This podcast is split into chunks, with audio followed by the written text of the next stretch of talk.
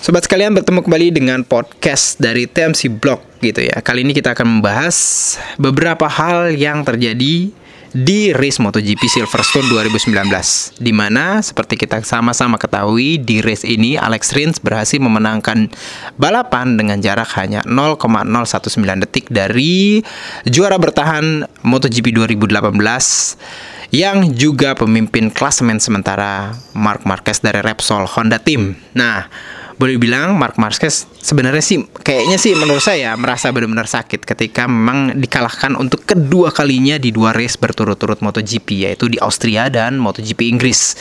Di Austria ia dikalahkan oleh Andrea Dovizioso dan di Inggris dia dikalahkan oleh Alex Rins di di Austria ya menurut Mark Marquez di Austria tuh lebih menyakitkan ketimbang di Inggris kekalahannya. Tapi kalau menurut saya sih seharusnya dan dilihat dari gesturnya ketika masuk di Park Ferme, Mark Marquez itu kelihatan lebih uh, sakit sih, lebih kecewa dibanding pada saat kalah di Silverstone dibandingkan dengan saat kalah di Austria atau di Red Bull Ring gitu loh.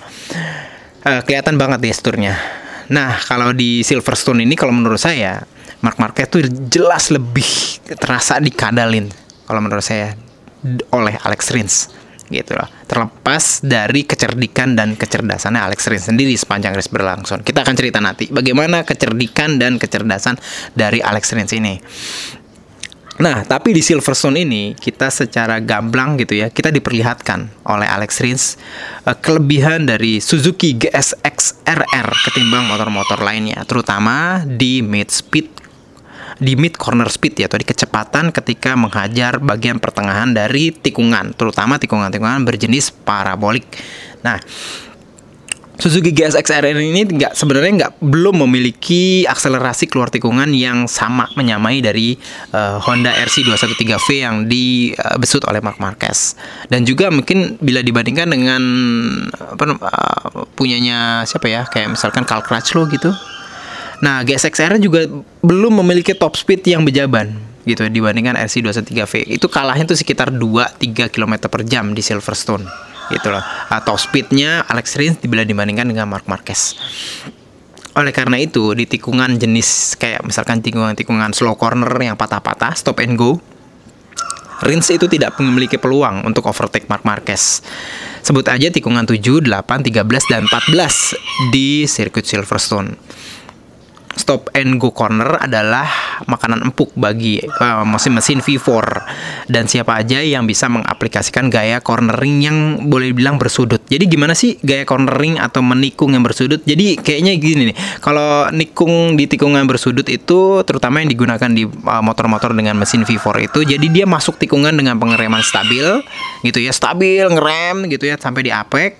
Lalu ban belakangnya itu digeser gitu ya, pakai real wheel steering gitu ya. Jadi ban belakang belakangnya digeser untuk merubah arah motor lalu keluar tikungan dengan mengandalkan akselerasi. Nah, kayak gitu tuh bersudut. Jadi kayak yang tek tek gitu. Nah, bersudut tuh kayak gitu. Jadi ada kayak sudut gitu ya. Jadi dia tidak tidak smooth belok. Jadi kayak ada sudutnya.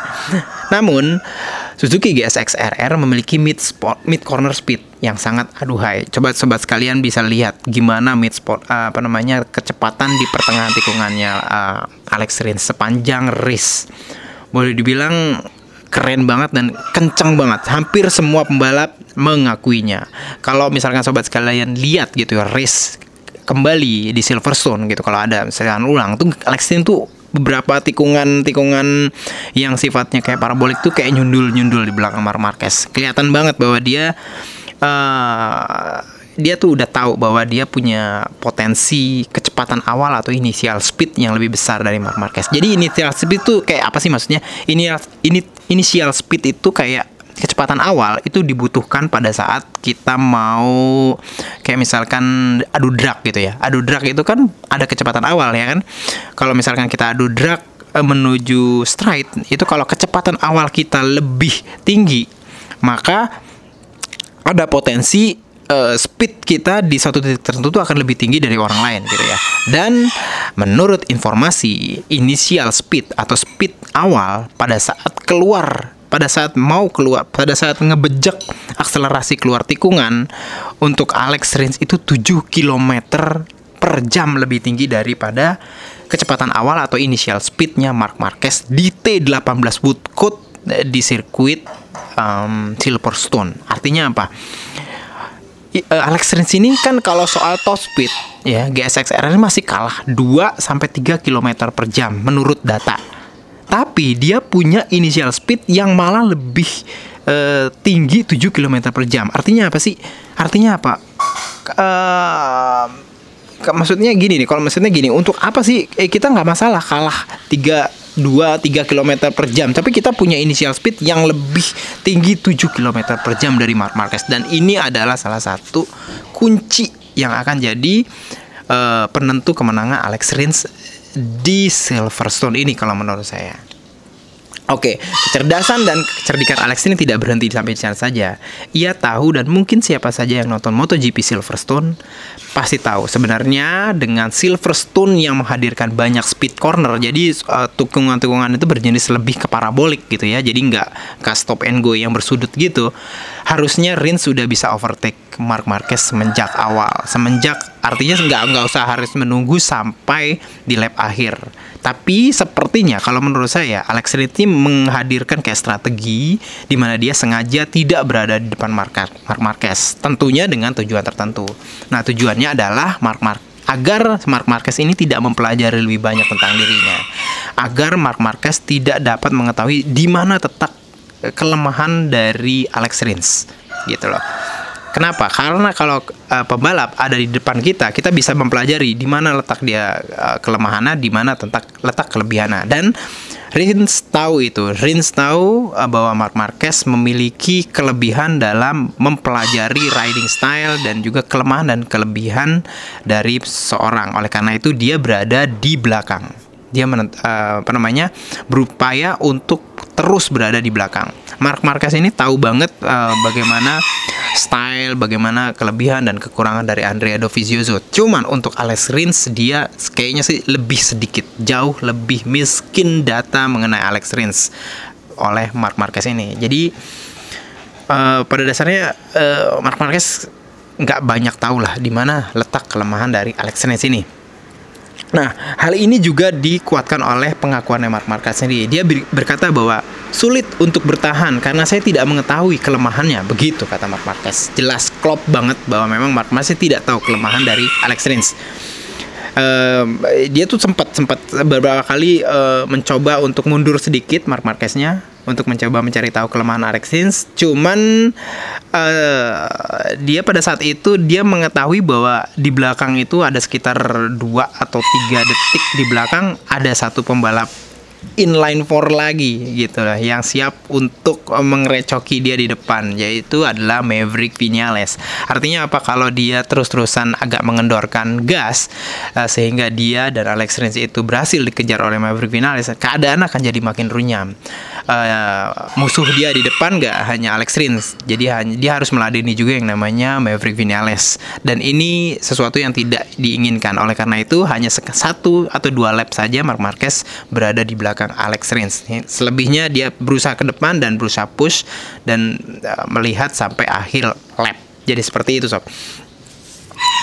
Jadi secara umum menurut saya Mark Marquez ini di Silverstone berada dalam kendali Alex Rins gitu ya. Jika kita lihat uh, lap time yang dibukukan oleh Mark Marquez itu boleh dibilang selalu diikuti Alex Rins.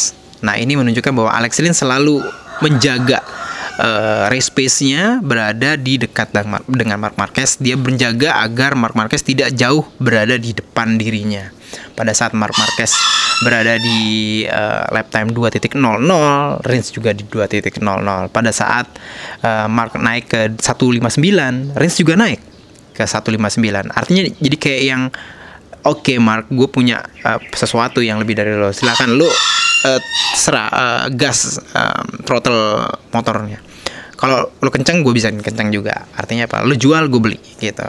Karena uh, dia tahu bahwa banyak banget kelebihan dari uh, sirkuit um, Silverstone ini untuk Suzuki GSX RR jika sobat sekalian lihat dari layout uh, sirkuit Silverstone ini banyak banget yang namanya sih tikungan-tikungan berjenis parabolik yang bisa jadi makanan empuk bagi Alex Rins gitu. Karena memang mengalahkan di stride terakhir itu menurut uh, menurut saya uh, buat Alex Rins itu jauh lebih ya terasa beda gitu ya gitu jadi boleh dibilang Alex Rins berupaya untuk terus-terusan menorehkan lap time yang boleh dibilang hampir identik dengan Mark Marquez sepanjang race berlangsung. Tujuannya adalah agar dia berada tepat di belakang Mark Marquez dan siap untuk memberikan attack di saat saat-saat yang terakhir. Jadi seperti itu. Mark Marquez pada dasarnya berada dalam tekanan.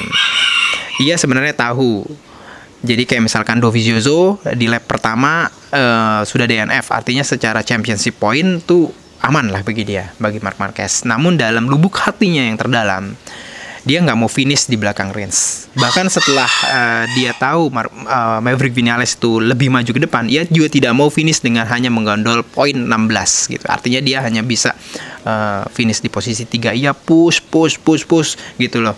Sehingga uh, efeknya apa? Degradasi grip ban belakang dan juga konsumsi bahan bakar yang lebih boros gitu.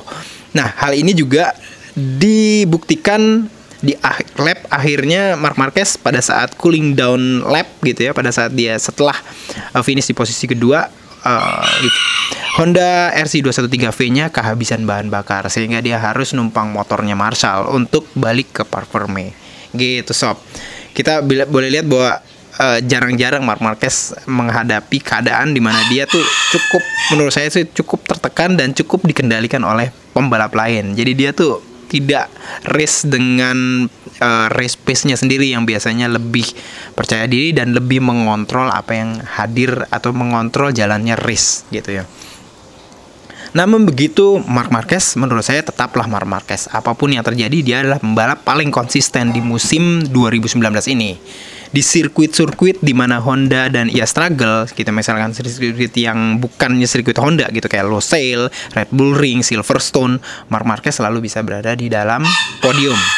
Pembalap lain sih memang kencang di sirkuit-sirkuit di mana mereka klop gitu ya. Namun di sirkuit lain kayak yang uh, hasilnya tuh nggak kayak Mark Marquez yang selalu ada di depan gitu. Jadi mereka tuh entah ada di mana kalau menurut saya gitu loh. Nah, gitu. Jadi jadi seperti itu tuh. Uh, jadi menurut fakta ini kombinasi Mark Marquez dengan Honda RC213V masih merupakan kombinasi paling baik ya sampai race seri Silverstone 2019 ini. Gitu sob. Maverick Vinales seperti uh, juga tahun-tahun yang lalu kayak yang di seperti garis pertama tuh kayak yang masih ada kayak masalah. Jadi lap time-nya itu kalau Maverick Vinales tuh kayak yang susah kenceng gitu ya. Entah apakah ini permasalahan yang di tahun-tahun lalu di mana di lap-lap awal dia belum bisa mengembangkan race pace atau karena memang dia harus fight dulu melawan, melawan beberapa orang kayak misalnya Carl, Carl Crutchlow dan Valentino Rossi. Gitu. Namun kita bisa lihat bahwa fight keras, pressure dan yang dilakukan oleh Alex Rins uh, ke membuat race pace keduanya menurun di di lima lap terakhir. Dan ini merupakan kesempatan sebenarnya bagi Maverick Vinales untuk mem, mem, mem, mendekatkan diri itu dengan kedua pembalap di depan. Gitu loh. Dan akhirnya memang uh, di akhir balapan jarak antara Maverick Vinales dengan dua pembalap di depan di podium kedua dan satu dan kedua maksud saya. Itu nggak nyampe satu detik sob. Artinya memang harusnya sih deket gitu ya. Cuman apakah uh, kalau uh, race-nya lebih panjang uh, akan akan akan biasanya beda ya? Kita nggak tahu juga ya. Uh, race nggak bisa di, di di apa namanya dihitung seperti itu kalau kalau dan jikalau jikalau tapi ya harus dihitung dari awal Valentino Rossi, bagaimana Valentino Rossi? Valentino Rossi kalau di Silverstone menurut saya kalah pace-nya dibandingkan dengan teammate-nya sendiri Maverick Vinales. Boleh dibilang sepanjang race di sepanjang race lap time uh, Valentino Rossi itu kalah telak dibandingkan dengan Maverick Vinales. Valentino Rossi mengatakan bahwa masalah tetap ada di grip di grip belakang. Jadi kayak kita yang dengerin penjelasan dari Valentino Rossi uh, di apa namanya pasca pasca race itu boleh bilang eh, alasannya ya tetap tetap ini juga sih. Uh, ya ada dua sih kebanyakan sih ya di antara grip ban belakang dan juga uh, durabilitas ban kayak misalkan nggak sampai di lap lap akhir bannya sudah rusak dan tidak memiliki grip yang lebih baik lagi gitu loh.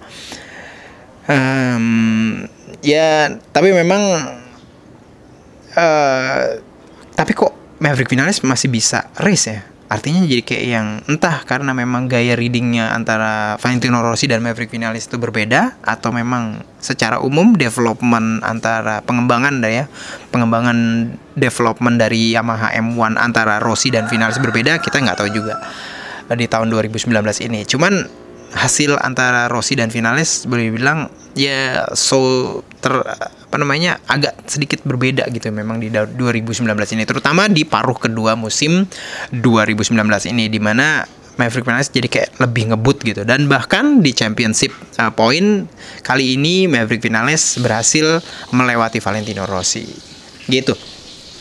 Nah, jadi seperti itu race di MotoGP Silverstone 2019 memang menyajikan fight yang boleh dibilang keras. Walaupun memang jenisnya bukan lagi kayak dogfight gitu ya. Jadi nggak dogfight gitu ya. Jadi saling overtake. Jadi saling overtake hanya terjadi di lap terakhir dan di saat-saat terakhir aja. Namun ini jelas akan membuat Mark berhitung ya menurut saya. Lagi-lagi dia berhitung dan mengetahui kelemahan-kelemahan dirinya untuk masa depan. Untuk uh, sobat ketahui di race-race berikutnya ada bakalan ada beberapa lagi sirkuit-sirkuit yang memiliki uh, tikungan-tikungan parabolik dan speed corner yang aduhai. Di sinilah akan lagi uh, diuji bagaimana Mark Marquez bisa uh, apa namanya bisa konsisten di sirkuit-sirkuit yang boleh dibilang bukan uh, sirkuit-sirkuitnya Honda gitu loh. Kayak misalkan di Silverstone kayak yang paling parah tuh karena banyak banget sirkuit-sirkuit eh banyak banget tikungan-tikungan dengan artinya tikungan-tikungan gear 3 jadi nggak perlu harus sampai turun sampai satu dan dua. Sirkuit di uh, di sirkuit uh, Phillip Island karena sirkuitnya kebanyakan uh, speed corner gitu. Kita akan lihat bagaimana Marquez belajar dari kegagalannya itu aja uh, review pasca race TMC Block uh, mengenai uh, race di MotoGP Silverstone 2019. Semoga uh, bisa bermanfaat dan uh, sampai berjumpa di podcast selanjutnya. Salam.